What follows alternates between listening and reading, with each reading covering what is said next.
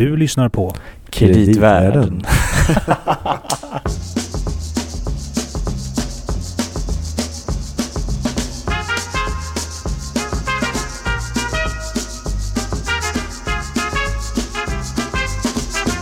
Varmt välkommen då till ännu ett avsnitt av Kreditvärlden och ännu en gång har vi med oss en gäst. Eh, han är med på nåder igen. Roger, Hej, välkommen. tack.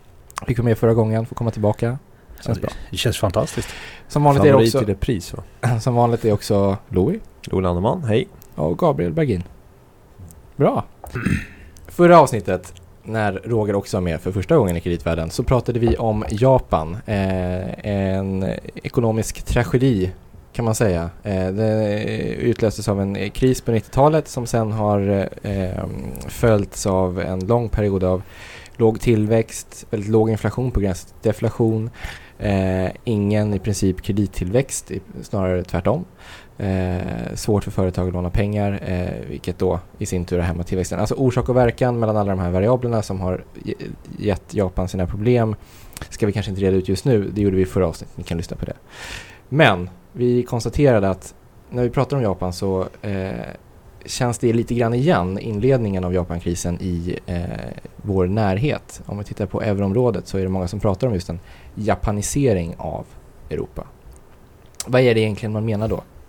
Eh, ja, om jag eh, ska börja svara så kan man väl konstatera att eh, det som har hänt i Europa, det är ju några av de här inledande, dels är det ju, eller framförallt det som utlöst det här är ju givetvis den kraftiga kreditåtstramningen. Eh, Eh, det som, sen finns det en del saker som skiljer Japan från, från vår sida också. Eh, eller rätt sagt, den är inte riktigt lika tydlig. I Japan var det så uppenbart att fastighetspriserna föll kraftigt och så småningom också då aktiepriserna.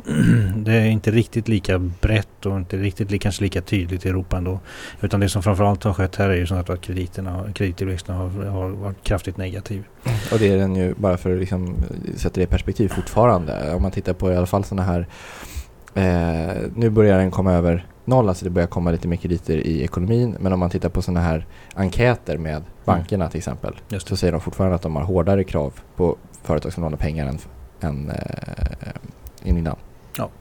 Ja, det, det är helt riktigt. Och, och det som kanske är mer bekymmersamt, eh, eller vad man ska kalla det, det är väl att i den här deflationsdiskussionen har ju kommit betydligt tidigare i Europa än vad den gjorde i Japan.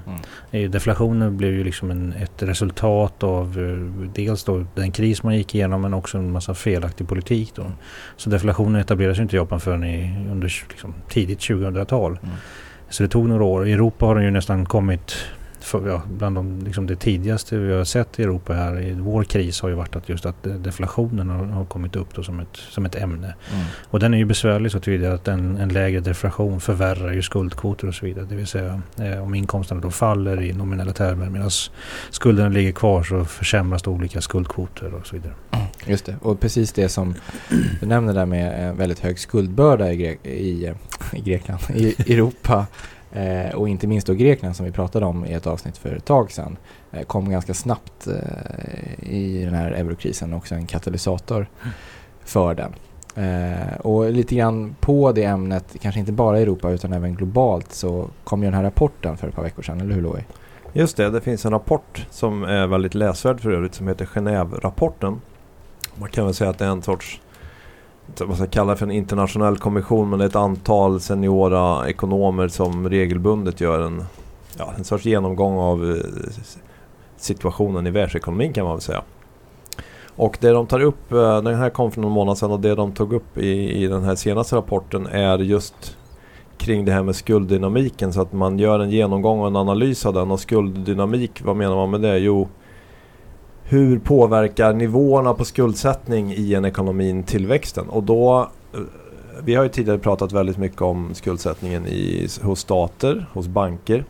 Och vad man gör här är att man lägger till det, lägger även och ser privata sektorns skuldsättning, både företag och hushåll. Och så tittar man på det, hur har det utvecklats i olika ekonomier, olika regioner och även globalt. Och eh, man gör en sorts aggregerad belåningsgrad då på global basis. Och det är lite läskigt faktiskt när man börjar titta där. För det, det man konstaterar i den här rapporten är ju att kanske tvärt emot vad många tror så har det ju under de senaste åren eh, faktiskt inte skett någon minskning av skuldbördan globalt. Eh, utan tvärtom har det varit en ökning. Det har minskat i några länder men sen finns det andra där det har ökat väldigt me eh, mycket mer. Eh, speciellt sticker ett land ut där och det är i ökningstakt och det är Kina. Eh, och man lyfter även det som ett en frågetecken. Är det här eh, är Kina eh, nästa potentiella kris då? Eh, ett annat land som sticker ut precis som vi pratade om i förra avsnittet det är Japan då. Att när man ser de här aggregerade volymerna på skulder så ligger Japan som man säger off charge. Och, om vi tittar och då exkluderar man banksektorn bara som ett exempel då så ligger Japans aggregerade skuldsättning på över fyra gånger BNP. Och, eh, om man jämför med USA Europa och så vidare så ligger man kanske mellan 2,5 och 3 gånger vilket förvisso också är, rätt högt. Då. Eh, men, så att det, man noterar både det här eh, med Kina och, och även med Japan. Då. Och sen konstaterar man även att eh, när man pratar om eh, så här tillväxtmirakler brukar man ju säga ibland som har skett i olika länder. I, vi, har, vi hade ju ett tidigare i USA, vi har haft det i Irland, Spanien, eh, Japan inte minst och Kina så konstaterar man att egentligen kan man i princip alltid förklara de här tillväxtmiraklerna i efterhand med att det var en period då skuldsättningen ökade.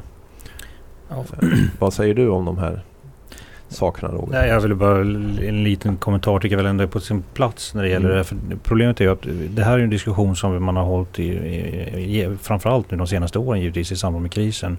Och det är klart att de, de, de ekonometriska och empiriska bevisen så att säga för kreditgivningen driver tillväxten är inte liksom helt entydiga. Och det är lite grann det som Gabriel inledde med att säga att, liksom att den här orsak-verkan-sambandet mm. mellan krediter och tillväxt är rätt oklara. Eh, sen är min personliga uppfattning att det visst ligger otroligt mycket i det som sagts här. För problemet är att det här är ju en, det kan ju vara någonting som pågår under så ohyggligt lång tid så att det liksom mm. är svårt att fånga med traditionella ekonometriska metoder.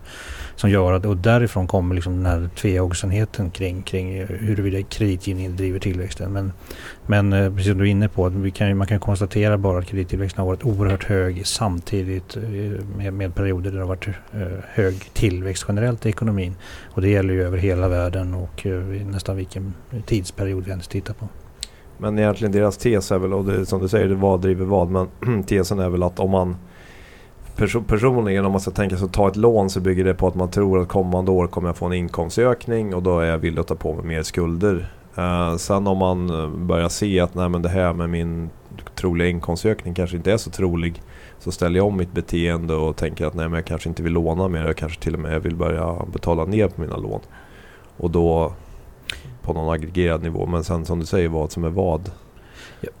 Ja, det, det är helt riktigt. Alltså, problemet är ju, precis som du är inne på, det är ju att, också att skulden är liksom fast i nominella termer. Mm. Uh, och det är därför man liksom på aggregerad nivå har lite, det är lite svårare att diskutera det här liksom med nettotillgångar och så vidare. Jag vet att många är, är, är, är uppslukade av det temat. Men det är klart, för, för en stat blir det området lite mer flytande än det blir för ett hushåll. Mm.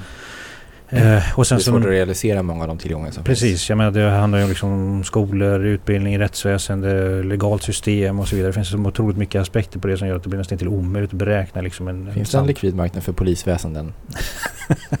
ja, det borde finnas en kan man tycka i flera ja. stater. Men en, äh, ja. Eh, det kanske, kanske vi kan ta upp i någon annan podd. Ja. Jag pratar om korruptionens effekter på ekonomin. Eh, men, eh, men så, så, så det stora problemet är ju att skulderna är fasta i nominella termer medan den här tillgångssidan ju är beräknad utifrån vad som du var inne på, vad man liksom tror att man ska få för framtida avkastning från de här tillgångarna. Mm. Och det är klart att förändras den kraftigt på en väldigt kort tid, ja då riskerar den här positionen att, att, att försämras. Och det är det som har skett nu. Och det var det som skedde i, antagligen i Japan då när de hade sin kris och så vidare. Mm. Eh, och eh, då är ju frågan liksom, hur tar man sig ut ur det läget och här finns det ju väldigt många nya teorier eller nygamla kanske man ska kalla dem. Vi har ju det här med secular stagnation som en del pratar om. Eh, där man då menar på att det har skett en långsiktig förändring i, i, i, eh, i förväntningarna på både framtida inflation och kanske också tillväxt. Då. Så att, och det, jag tror det som är en av slutsatserna i rapporten också att vi kan förvänta oss att den här återhämtningen kommer vara lång och tung eller seg. Mm. Svår. Ja. Så länge som skuldbördan ligger fast. Mm. Mm. Ja, någonstans måste man ju komma åt den. Antingen det eller så eh, har vi, jag brukar säga att antingen så, eh, antingen så får vi en långsam återhämtning som kommer ta lång tid medan vi betar av skulderna. Det andra alternativet som, som jag kanske själv tror mindre på men som man måste komma ihåg att centralbanker och andra myndigheter fortfarande driver sin ekonomiska politik utefter. Det är ju faktiskt att vi ska återfå liksom den tillväxtbana som rådde eh, i princip oförändrad innan krisen och att vi ska komma upp till de nivåerna igen. Och det är därför man får den här oerhört expansiva ekonomin ekonomiska politiken politiken. Mm. Och personligen har jag väldigt, väldigt svårt att se att man ska nå det. Vi har ändå försökt med den här politiken nu i fem sex år utan att lyckats. Och jag vet, ser liksom inte några anledningar till varför det skulle börja ta fart nu. Fast man har kanske bara inte gjort tillräckligt. Det är ju det som är åsikten många. Dels det är Japan som vi pratade om förra gången när man försöker, om vi bara försöker lite till. Vi dubblar den monetära basen på två år. Ja, ja, och nu om vi tittar på Europa mm. så är man ju väl övertygad om att om vi bara, eftersom man har så låg inflation på gränsen till deflation då, eh, så om man bara får upp inflationen så dels så minskar skulden i nominella termer men också så eh, kanske man får igång en tillväxt vilket då gör att skuldbördan i förhållande till BNP minskar. Mm. Och det är väl det som Draghi till exempel då det finns ett problem med det. Ja, jo, så är det. Alltså, inflation är ju definitivt en, en väg ur det här. Men eh, då glömmer man också bort att durationen på mycket statsskuld är ju förhållandevis kort. Och det innebär att den ska omsättas och när den ska omsättas ska man då åsätta en ny ränta. Och det är klart att ser man då att inflationen har tagit fart så kommer man väl då säkert vilja ha en högre inflationsriskpremie. Och den högre inflationsriskpremien kommer då liksom att ta bort de här eventuella vinsterna av den högre inflationen. Och det där blir ju också en lite, lite ond spiral för då kan man tänka sig gradvis högre inflation och den ska sluta i vad då? Eh, antagligen extremt hög inflation. Så jag tror man får nog vara försiktig med vad man, vad man önskar sig när det gäller att, att vi ska inflatera oss ur det här. Mm. Och där finns det ju faktiskt ganska många som numera för fram åsikten att vi, vi kan i princip inte inflatera oss ur det för eftersom marknaden helt enkelt kommer sätta en marknadsränta på det här som är alldeles för hög. Men jag tänkte säga det för att alternativet till den här långsamma avbetningen av skulderna uh, är ju såklart att uh, man helt enkelt gör en betalningsinställelse eller flera. Mm. Och det kan ju vara även stater egentligen. Som i princip skulle kunna göra det i ett mer extremt scenario. Ja, eh, själv, själv, tycker jag väl... Alltså, jag tror man får ta ett, ett steg tillbaks faktiskt. Jag, jag vet, jag läste någon BIS-rapport precis när krisen slog till som jag tycker fortfarande är rätt bra liksom, som en liksom, utgångspunkt. Och, och, vad de sa var att stora finansiella kriser följer ofta samma mönster. Alltså oftast har man en kris i privat sektor, hushållssektorn, i företagssektorn, alltså med, med för hög upplåning. Och sen så tar staten på sig det här. Mm. Eh, så man ser sådana här toppar, pikar i liksom skuldsättning i förhållande till inkomster. Och då ser man först är det privat sektor och sen så är det staten. Och sen så sker, efter det, så sker liksom den här anpassningsprocessen mer, mer akut då, eller vad man ska kalla det, nämligen genom nedskrivning och så vidare. Mm. Och den har vi ju fortfarande inte nått och vi kanske inte ens når den, vi får väl se. Men, men liksom, det finns ju en risk för att det här mönstret från tidigare stora finansiella kriser återupprepar sig. För nu ser vi, och det är, ju, det är väl det som den här rapporten också är inne på, att ja men även om man i, i privat sektor i vissa länder har liksom lyckats få lite kontroll på det, så har den å andra sidan ökat oerhört dramatiskt i den offentliga ja. sektorn. Ja, där nämner man ju till exempel USA och England, är två exempel på det. Att privata skuldsättningsnivån har minskat men samtidigt har den offentliga ökat alltså väldigt mycket då.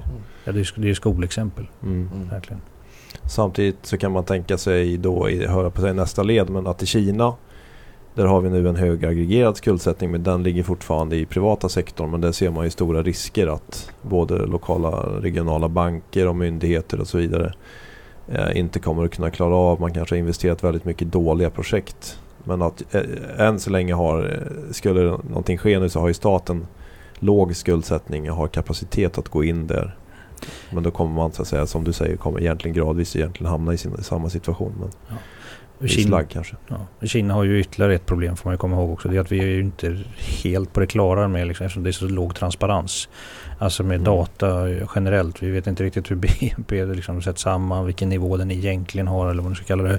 Och det är samma med skulderna. Var hänför de sig till egentligen? Det finns ju många eh, analytiker som pekar på att mycket av det som vi se, ser ut att vara privata skulder kanske är liksom återigen lokala delstatsregeringar som liksom har någon Garanterat kors och tvärs. Garanterat kors och tvärs, ja precis. Så, så eh, där, där, i Kina så tror jag att den stora risken ligger just i att det är så låg transparens. Vi vet liksom inte riktigt vilken, vem det är som sitter med med Svarte Petter där. Nej. Och sen är det ju en sak till med länder som Kina, alltså utvecklingsekonomi generellt, är att de klarar ju normalt sett inte av hur hög skuldkvot som helst.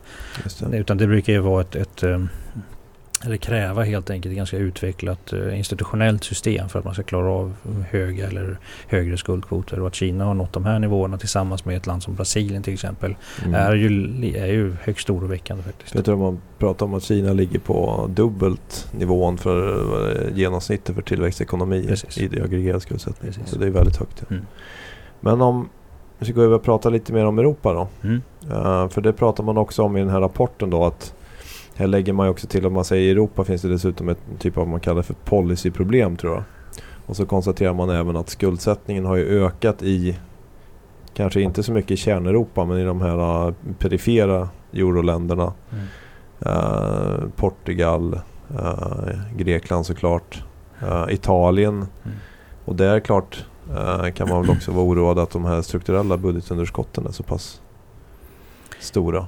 Ja, alltså man ska komma ihåg att de här strukturella budgetunderskotten är inte alltid så klara. Ta- Grekland som ett exempel. Alltså deras, prim- de har ju Mm. faktiskt ett primärbalansöverskott idag. Men ta Eh, Italien till exempel. Eh, Italien har ju däremot lite större problem då. Eh, men där är ju det fortfarande, alltså det strukturella eh, saldot ser, ser fortfarande liksom något sånär hanterbart Mm. ut när man tittar på liksom officiella siffror.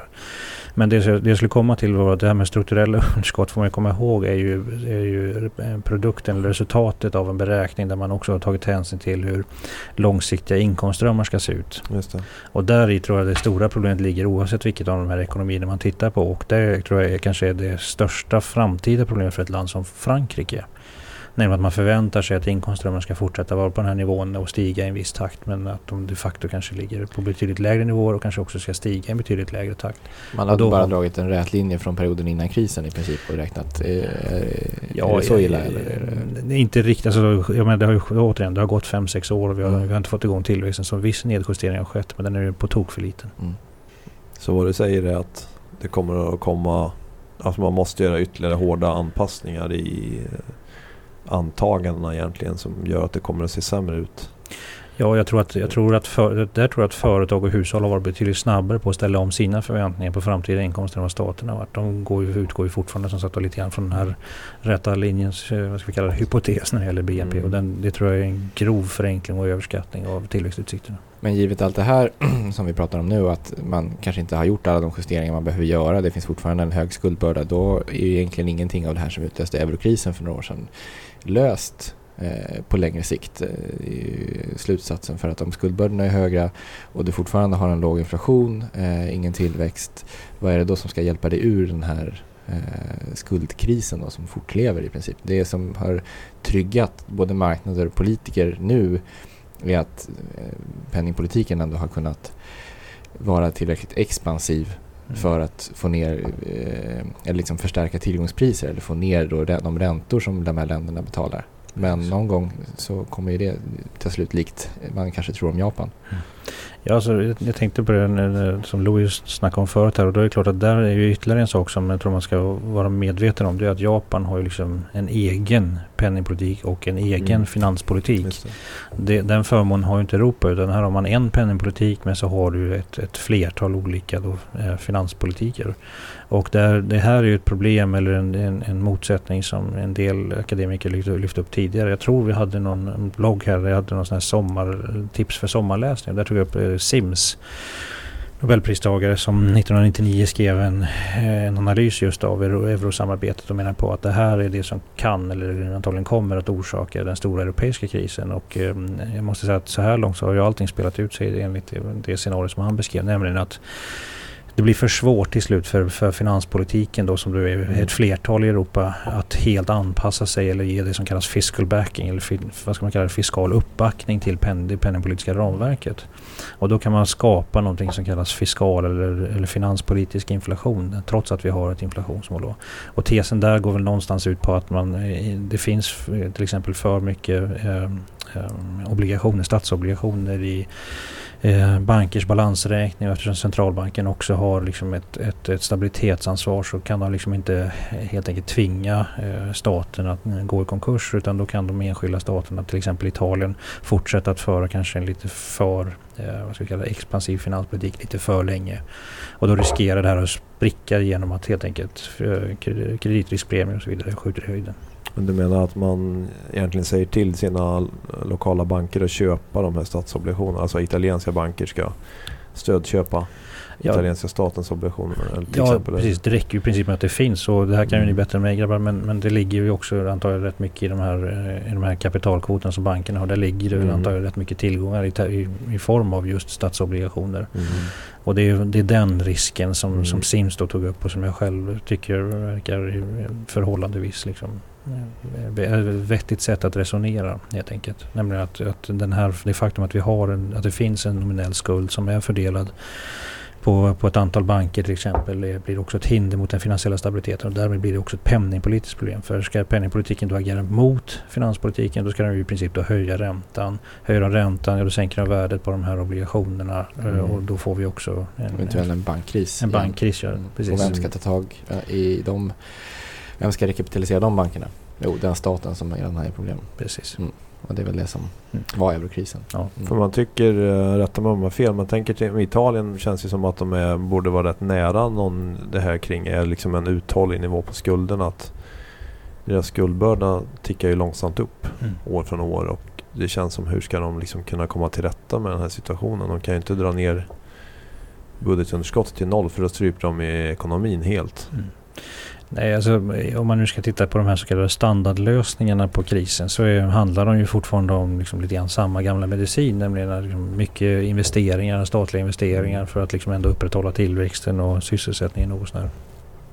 Men där, där får man väl ändå säga att det har skett en viss förändring de senaste två åren rent politiskt. Där man bara pratade om eh, Åtstramningar Ja, mer åtstramningar för att minska budgetunderskottet. Men strukturella reformer så pratar vi nog strukturella reformer i samband med vissa statliga investeringar. Fast det, ja, det, det håller jag med om. Men det har ju också skett på bekostnad av någonting. Och bekostnaden där har väl varit liksom förtroendet för liksom EU som eh, alltså EU-projektet som helhet. Det är Mm. bara att titta på senaste, senaste valet och titta på Mm. opinionen i till exempel Tyskland och ett land som då helt enkelt skulle bli tvingat att betala en del av det här. Man ser att det här är AFD eller vad heter det, Alternativ för Deutschland röner stora framgångar och det är ju, de är ju starkt kritiska till alla typer av sådana här eh, vad ska man kalla det, eh, när man då släpper på det här ramverket kring, kring EU-regleringarna. Så, så det, har ju kommit, det har varit en kostnad också med att, att eh, den här omställningen från, att, från åtstramningar till att det ska vara okej med, med investeringen. Det har, det har kostat politiskt. Men klart har det så fruktansvärt hög arbetslöshet också så blir det ju såklart väldigt stor negativism. Precis. Och det är därför man ändå kan landa i det som du verkar vara inne på Louis, nämligen att det kanske är bättre att någon, vid något tillfälle fundera över om det inte är bättre att liksom ta det här beska pillret direkt. Mm. Eh, frågan är bara om man har det alternativet kvar nu när staterna själva har så hög skuldsättning. Mm. Ja, det det, blir ju svårt då. och det är väl därför som till och med då eh, Draghi, ECB-guvernören pratar så mycket om just strukturella reformer. Vi kan bara höra lite snabbt Mm. på hur det lät på, inte senaste presskonferensen, men den i september eh, när man annonserade ett antal nya eh, expansiva åtgärder. Governing Council sees the risks surrounding the economic outlook for the euro area on the downside. In particular, the loss in economic momentum may dampen private investment, and heightened geopolitical risks could have a further negative impact on business and consumer confidence. Another downside risk relates to insufficient structural reforms in euro area countries. According to Eurostat's flash estimate, euro area annual HICP inflation was 0.3% in August 2014 after 0.4% in July. Inflation rates have now remained low for a considerable period of time. As said, today's decisions, together with the other measures in place, have been taken to underpin the firm anchoring of medium to long term inflation expectations in line with our aim of maintaining inflation rates below but close to 2%. Ja, där hörde vi eh, Draghi. Så Roger, vad är det de gör nu då egentligen i ECB för att liksom, nu pratar man om att det börjar bli väldigt låg inflation och så vidare. Och vi har ingen tillväxt. Så, Ja, Vad är eh, deras tanke? Eh, Ja, de har ju precis lanserat ett, ett förhållandevis nytt program som ju går under be- beteckningen Teltro då. Att man ska hjälpa bankerna med, med utlåningen helt enkelt eller finansiera bankernas utlåning till den reala ekonomin. Så här Mm. kommer man att köpa upp då trancher är tanken av, av ehm, eh, företagsobligationer och så vidare. Eh, från, eller företagslån från, från bankerna. Eh, Mm. Och det, är som sagt, det är väl någonting som kommer pågå. Jag, jag tycker den, den pressande frågan är väl mer om det är tillräckligt. Eh, Jag tror eh, på marginalen kommer det självklart ge effekt. eh, Men, men kommer man här igenom liksom få igång tillväxten och få upp inflationen? Nej, det tror jag inte. För man kan ju konstatera att vi är ju förbi den här akuta fasen av krisen får man nog ändå säga. Och vi har ändå sett att bankernas, att bankerna liksom har krediter tillgängliga. Det stora problemet nu är ju att efterfrågan på krediter är så oerhört låg. Och det knyter ju an till det här som vi pratade om tidigare, nämligen att tillväxtutsikterna då är, är förhållandevis eh, dystra. Mm. Eh, så det finns liksom ingen anledning att ta upp nya lån. Och då får man nog kanske fundera på lite andra åtgärder. Och här är det en diskussion och det kommer vi nog få leva med ett tag till. Om det som kallas kvantitativa lättnader, där som man har gjort i USA, i Storbritannien och Japan. Då. Man skulle börja köpa europeiska statsobligationer helt enkelt. Det skulle vara nästa steg. Men då är det, vi inne på ett område som eventuellt inte tillhör ECBs man, nuvarande mandat. Då, Nej, Säg, säger vissa. Ja, det är helt riktigt. Det, det pågår ju en process eh, liksom parallellt med de här diskussionerna som vi håller här och som man håller inom ECB pågår det ju faktiskt en process i EU-domstolen. Där, där den tyska eh, förbund- författningsdomstolen skickade vidare då den här frågan till EU-domstolen. Och den frågan de ska utreda är ju helt enkelt är det legalt för, för ECB att eh, eh, att, att gå in i det här med, som kallas QE, då, nämligen att köpa statsobligationer. För det ses ju som monetär finansiering av stater. Eh, och, eh, och det så, Så, med andra ord att Tyskland med flera egentligen finansierar till exempel Italien då. Eller något annat land.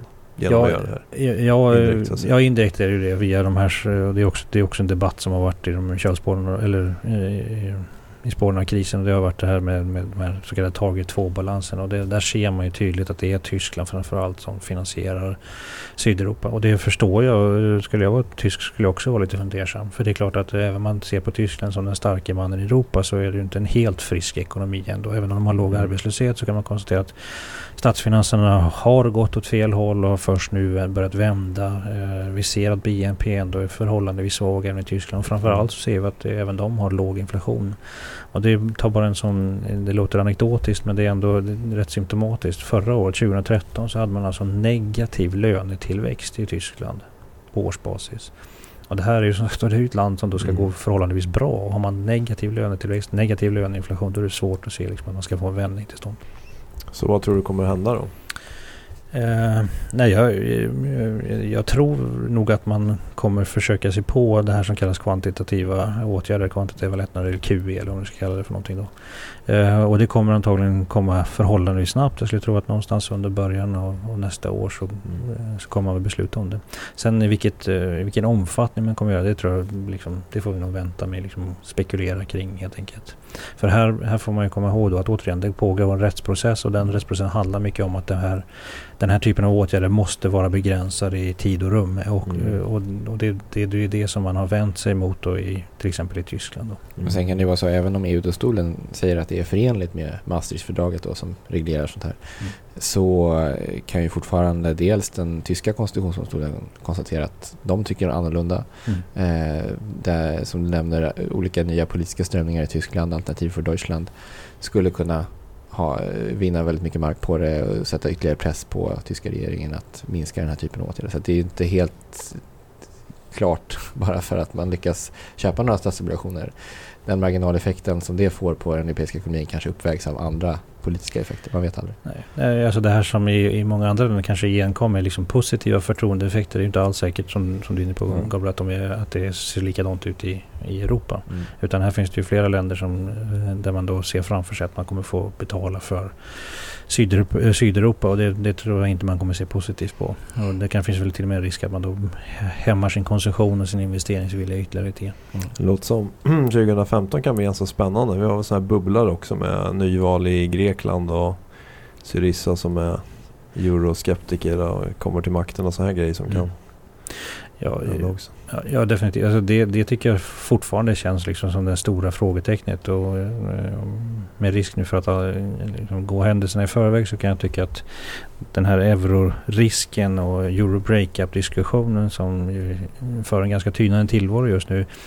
Det tycker jag är helt oförtjänt. För återigen som, som du sa Louis, det är ju extremt hög arbetslöshet i södra Europa. Och någonstans får man väl ställa sig frågan ändå hur länge ska man liksom tvinga befolkningen att leva under sådana såna förhållanden. För det är ju, vad vi pratar om här är ju också att vi har en ungdomsarbetslöshet som är kring 50 procent i ett land som Grekland. Det är generationer som går, går till spillo. Eh, och det är klart att det, det, det är inte långsiktigt hållbart helt enkelt. Och inte nog med att de radikaliseras utan det kanske faktiskt är bättre för dem att få till stånd en egen penningpolitik, en egen valuta. Och få upp sin konkurrenskraft och få igång ekonomin igen helt enkelt. Mm. Det låter som att det är fortsatt tufft under överskådlig tid helt enkelt. Nu när vi ändå har dig här Roger. Mm. Eh, en av dina allra främsta arbetsuppgifter är ju att bevaka svensk ekonomi. Vad innebär allt det här för Sverige? Uh, ja, uh, det, är svårt för det är väldigt uh, att, att, föra fram det här budskapet. För man kan ju konstatera att Sverige har ju sett som ett, en, en, ett under. Vi kallades ju mm. Pippi Långstrump-ekonomi för några år sedan av OECDs generalsekreterare. och det är flera som pekar på Sverige som liksom ett föregångsland på många sätt. Och det är ju sant i mångt och mycket. Privat konsumtion växer starkt i Sverige. inhemska investeringar, det vill säga framförallt bostadsinvesteringar, växer också förhållandevis starkt. Men det finns en sektor som går, fortsätter att gå på knäna och det är vår exportsektor. Och som en liten öppen ekonomi med stort utländskt beroende så kan man konstatera att det här är tufft för Sverige. Stor exponering mot Europa. Stor exponering mot Europa, men där får man komma ihåg att eh, vi har, vad är det, två tredjedelar av vår exportmarknad är i mm. Europa. Mm. Och det är klart att går inte Europa bra så går inte svensk export bra heller. Eh, och det här är ju någonting, apropå det här med eh, de här problemen man ser runt omkring sig. Eh, kommer svensk tillväxt att återhämta sig någonsin? Det här gapet som man pratar om då mellan den här trendtillväxten som vi eh, såg innan krisen och nu. Det fenomenet ser vi faktiskt i Sverige också. Jag tror att eh, jämför man trend... Vi har inte kommit ikapp den trenden vi hade innan krisen. Vi har inte kommit ikapp den trenden och det syns ju också den här politiska diskussionen som man har haft här inför valet också med tomma lador och allt vad det nu har varit för någonting. Eh, och det, tyvärr ligger det nog en poäng eh, lite grann i det Magdalena säger, kanske av en helt annan orsak, nämligen att eh, svensk exportindustri kommer kanske inte återhämta sig alls på det sättet mm, på lång sikt som man förväntar sig. Och en långsiktigt lägre tillväxt innebär långsiktigt lägre skatteintäkter. Långsiktigt då lägre eller försämrat budgetsaldo och kanske också då högre skuldsättning även på statlig basis. Så Sverige har många av de här symptomen som vi ser också från Europa även om det inte är vår, vår egen förskylan i första hand. Då. Och vi har haft en period om man, jag tänkte nu tillbaka på det här med aggregerad skuldsättning. Mm. Så har väl vi också haft en period där den har ökat. Om man ser på hushållens skuldsättning till exempel. Ja. Och det gör ju det hela igen då än mer prekärt och kanske än mer känsligt också. Mm. Och apropå att 2015 blir ett spännande år. Nu ska det ju då, sägs det införas då ett nytt amorteringskrav ner till 50 procents eh, loan to value. Och det, det, kommer bli intressant vad det ger för effekter på hushållens konsumtionsmöjligheter. Så det finns, eh, vi går in i 2015 med, eh, med öppna ögon och är rädd för att det blir spännande på det där otäcka sättet. Det blir nog mer snarare som en... Nerv, nervkittlande. det kan nog bli nervkittlande på både ett och annat sätt. Ja. vi, är, vi är en del av den här uh, Genève-rapporten vi också kan man konstatera. Ja. Samma problematik. Mm. Vi hade ju en sån där nervkittlande punkt faktiskt i uh, går söndag. Uh, när ECB e då, apropå ECB, som är den nya tillsynsmyndigheten för de största 130 bankerna i euroområdet, släppte sin stora rapport och så de stresstester som man genomfört tillsammans med EBA. Eh, och det eh, var ju det var ju några som eh, visade sig ha kapitalunderskott men i stort sett så de flesta har ju täckt det redan under, eh, under 2014.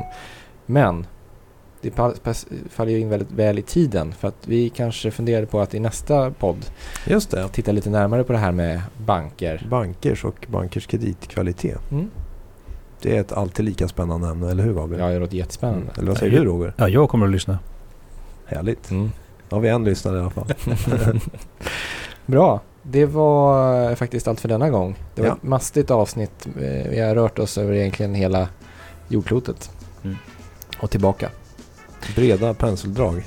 Ja, eller, så. Ja. eller vad sa du? Roll? Vi tog rollen, fram, vi tog fram rollen. rollen. Vi hoppas ni alla, bra, alla där ute rullar vidare eh, på ett bra sätt den här veckan. Eh, tack för att ni lyssnade. Vi finns eh, som alltid på eh, Twitter och på kreditvärlden.se. Hör av er om ni har några frågor eller synpunkter så hörs vi igen om några veckor. Tack, hej. Tack! Tack.